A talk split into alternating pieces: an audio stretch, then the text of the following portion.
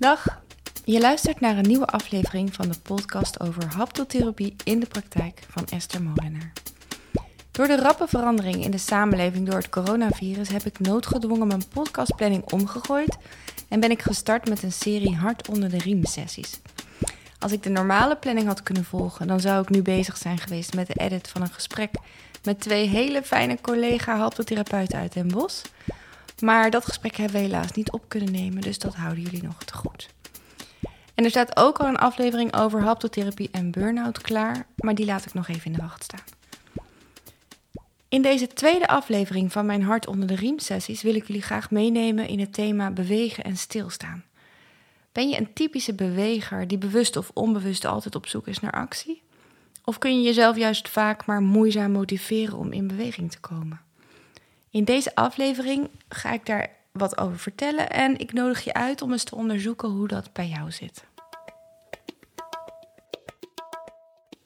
Zoals ik ook al aangaf in mijn vorige aflevering, mijn eerste hart onder de riem sessies, uh, vind ik het ontzettend vreemd om um, te merken dat mensen op dit moment in zulke verschillende situaties verkeren. Um, je kunt bijvoorbeeld nu te maken hebben met een situatie waarbij je allebei als thuiswerkers uh, druk bent, maar tegelijkertijd ook je kinderen moet helpen met scholing. Terwijl misschien in hetzelfde blok zitten er ook een paar mensen eenzaam thuis en die zijn hun contacten helemaal kwijt en weten niet zo goed hoe ze de dag moeten doorkomen. En dan heb je natuurlijk ook nog een groep mensen die zich nu helemaal te pletten werkt in de zorg, pakketdiensten, logistiek, uh, waar het gewoon eigenlijk uh, nu hartstikke hard werken is. Al deze dingen hebben ook met beweging te maken. Ik ga proberen om uh, het concept beweging nog eventjes vanuit een haptonomisch oogpunt te vertellen. Dat is wel in mijn woorden, dus het is niet per se um, exact de theorie van de haptonomie. Want het is ook nog eens zo dat er in Nederland um, drie verschillende opleidingen haptotherapie zijn. En die werken alle drie met een ander therapeutisch kader. Um, en ja, dus ik vertel eigenlijk gewoon in mijn woorden hoe ik het zie.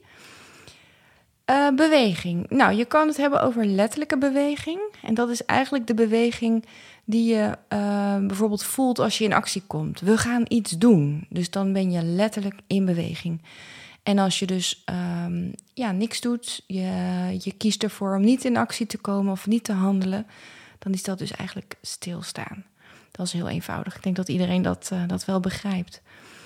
Dan heb je ook nog de gemoedsbeweging. En uh, gemoedsbeweging is eigenlijk het voelen wat iets met je doet. En uh, bijvoorbeeld ook het geraakt zijn. Geraakt zijn door iets wat je ziet of wat je meemaakt of wat een ander meemaakt. Uh, of gevoelens die je kunt hebben. Bijvoorbeeld uh, het gevoel dat je ergens naartoe wilt bewegen. Iemand die bijvoorbeeld gevallen is en je denkt, oh, ik ga je meteen helpen opstaan. Hè? Dan, dan uh, maak je ook de beweging naar de ander. Je wordt geraakt in je gemoed en je wil meteen wat doen. Um, of misschien heb je weerstand. Ik kan me ook voorstellen dat je bijvoorbeeld ergens langs loopt en denkt: oh nee, hier wil ik niet naartoe. Dus dan wil je ervan af bewegen. Um, ja, dus dat is de gemoedsbeweging meer, de beweging ook uh, naar jezelf toe en naar de ander toe. En dan heb je ook nog bewegingsvrijheid. En um, ja, bewegingsvrijheid, dat zie ik als uh, dat je in de basis kan eh, zijn wie je bent.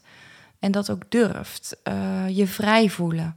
Soms kan je dat ook wel zien aan mensen. Die zitten letterlijk en figuurlijk goed in hun lijf. Ze, ze, bewegen zich soepel. Ze zeggen wat ze denken. Ho hoewel ze ook nog steeds rekening houden met andermans gevoelens. Dus die, die hebben een soort van balans gevonden tussen hun neiging volgen en ook nog steeds in contact zijn met de ander. Nou, wat ik zo leuk vind aan haptonomie, er zijn heel veel dingen die ik leuk vind daaraan, want het is natuurlijk mijn vak, maar um, is dat je samen met je cliënt gaat kijken naar wat iemands bewegingspatroon is. En dat komt op verschillende manieren terug. Dus je kunt dan hebben over die letterlijke beweging um, en de gemoedsbeweging en de bewegingsvrijheid. Mensen kunnen naar een haptonoom gaan, bijvoorbeeld als ze zich niet vrij voelen. Wel het een denken, maar het ander doen en dat dat niet helemaal met elkaar overeenkomt. Of bijvoorbeeld die juist heel veel moeite hebben te voelen wat iets met ze doet. Ehm, of misschien die gevoelens wel ergens voelen, maar er niet uit durven te laten komen. Dus die zijn verstild van binnen misschien. Ehm, ja, of mensen die, die juist uh, lastig vinden om een neiging te volgen, wel iets willen, maar in de verstilling terechtkomen en denken: nou ja, laat ik het maar niet doen, het gaat toch mislukken, of het is eigenlijk niks voor mij. En zich daar misschien klein mee houden. Dus in de sessies haptonomie kun je um, aan de hand van positiebepaling en aanraking je eigen bewegingspatronen gaan ontdekken. Um, in positiebepaling bijvoorbeeld uh, zal ik een cliënt uitnodigen om naar me toe te komen. En dan kan je eigenlijk al in een split second zien aan iemand wat zijn of haar bewegingspatroon is. Is bijvoorbeeld iemand die altijd graag wil gaan en die direct opstaat en zegt: Ja, tuurlijk, waar wil je me hebben? Of iemand die denkt: Oh, wacht eens even, wat heeft die persoon in gedachten? Laat ik daar eerst eens eventjes goed de kat uit de boom kijken.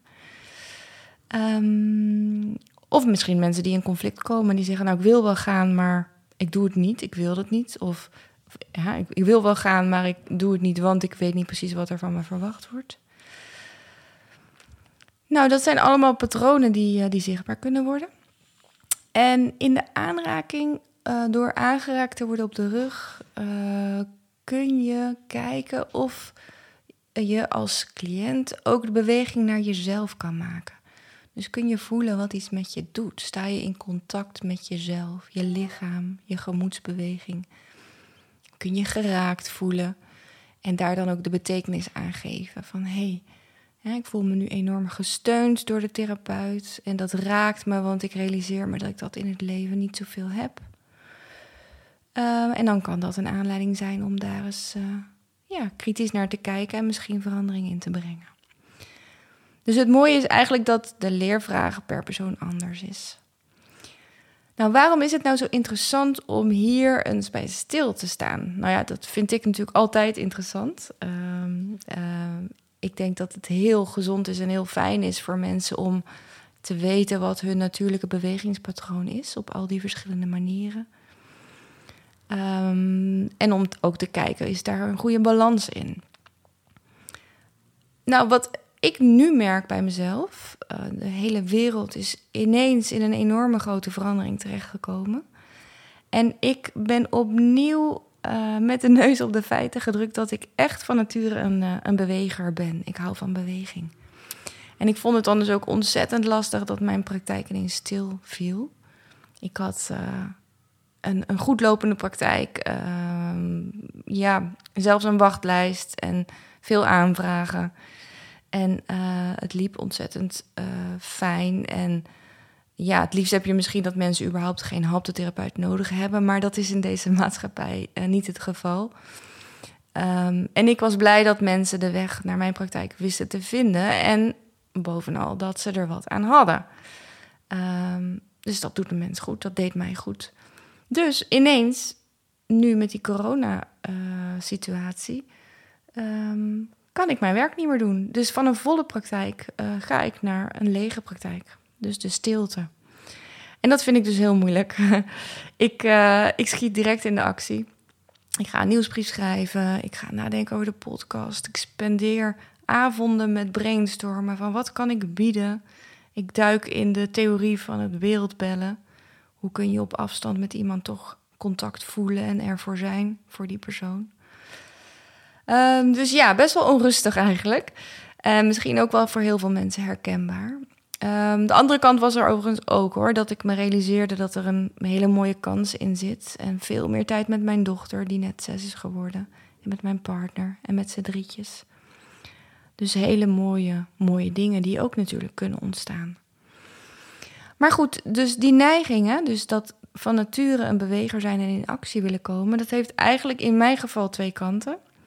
Het positieve eraan is dat ik ook echt vrijwel meteen uh, ander werk voor mezelf heb geregeld, waar ik echt best wel trots op ben.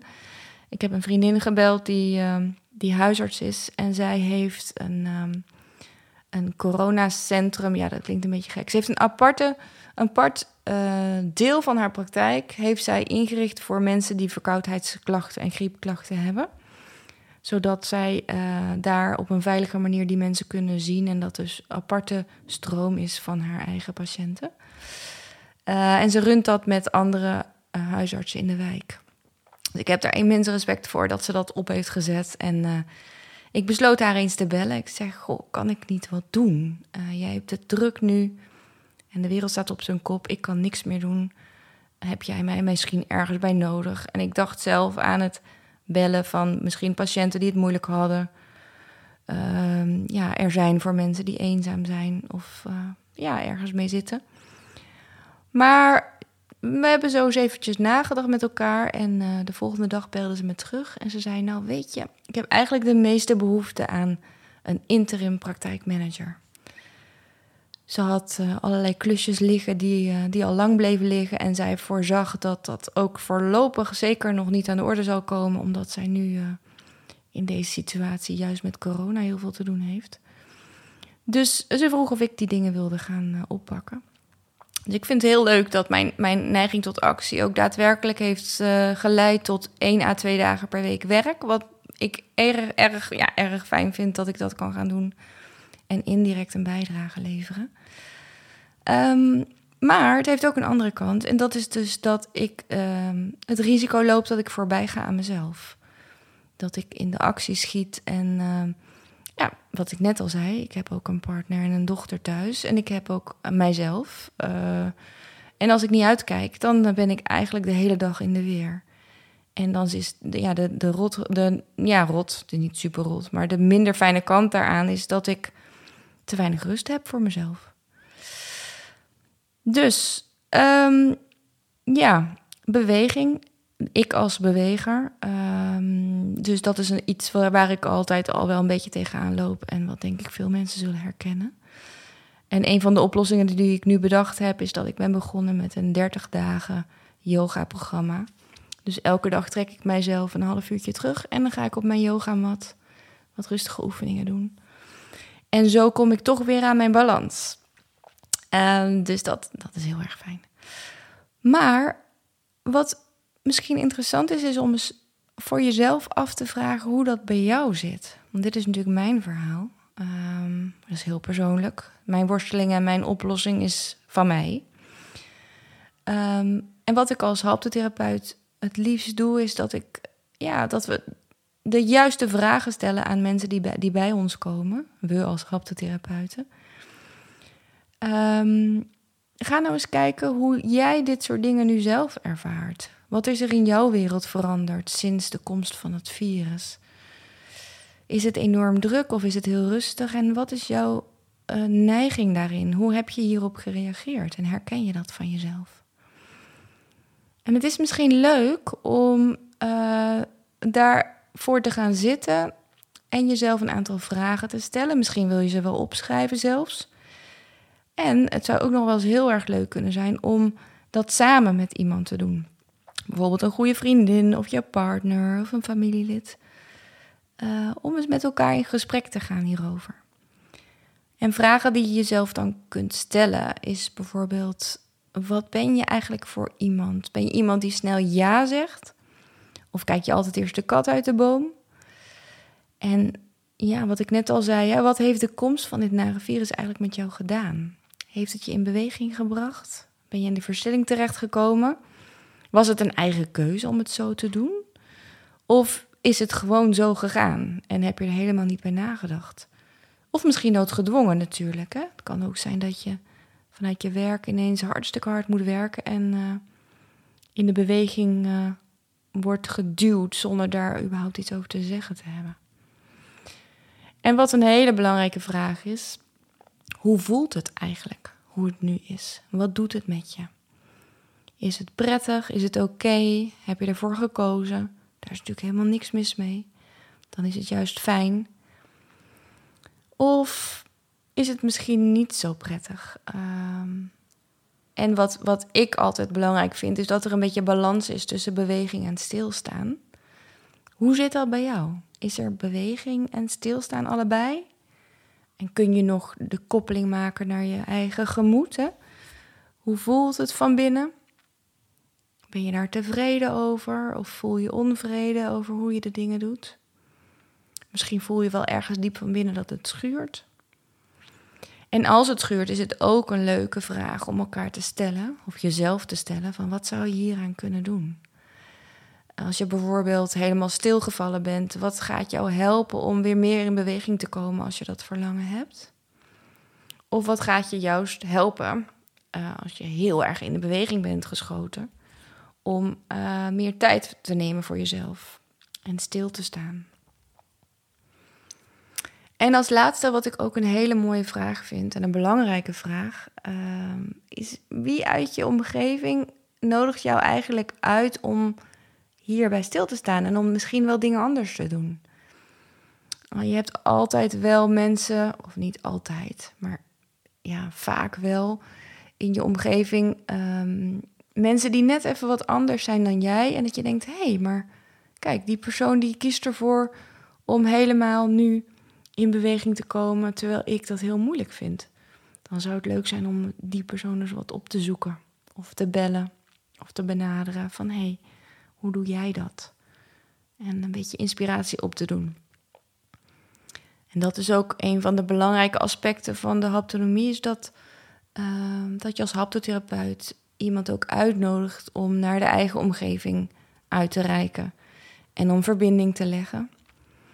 En dat is misschien wel mooi om, om mee af te sluiten. Want ondanks dat we elkaar dus nu niet kunnen naderen, niet nabij kunnen zijn, uh, door die anderhalve meter regel, uh, blijkt uit alles dat de verbinding met elkaar enorm belangrijk is en ook blijft. En ik voel dat ontzettend. En ik zie dat aan alles, dat uh, er wordt contact gezocht. De mensen zoeken elkaar toch op een bepaalde manier op.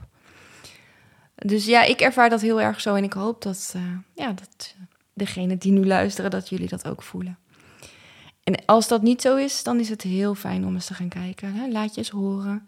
Zoek iemand op bij wie je je verhaal kunt doen en die eens met jou dit soort vragen zou willen bespreken. Die dat ook leuk vindt om te doen.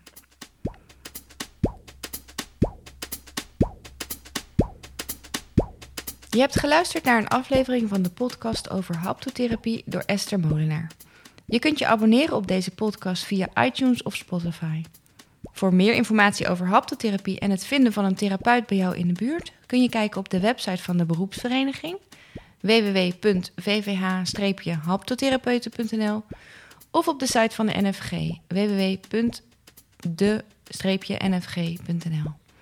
Heb je naar aanleiding van deze podcast aan mij nog vragen? Stuur dan een mailtje naar info@haptotherapie-ester.nl of bezoek mijn website. Graag tot de volgende keer.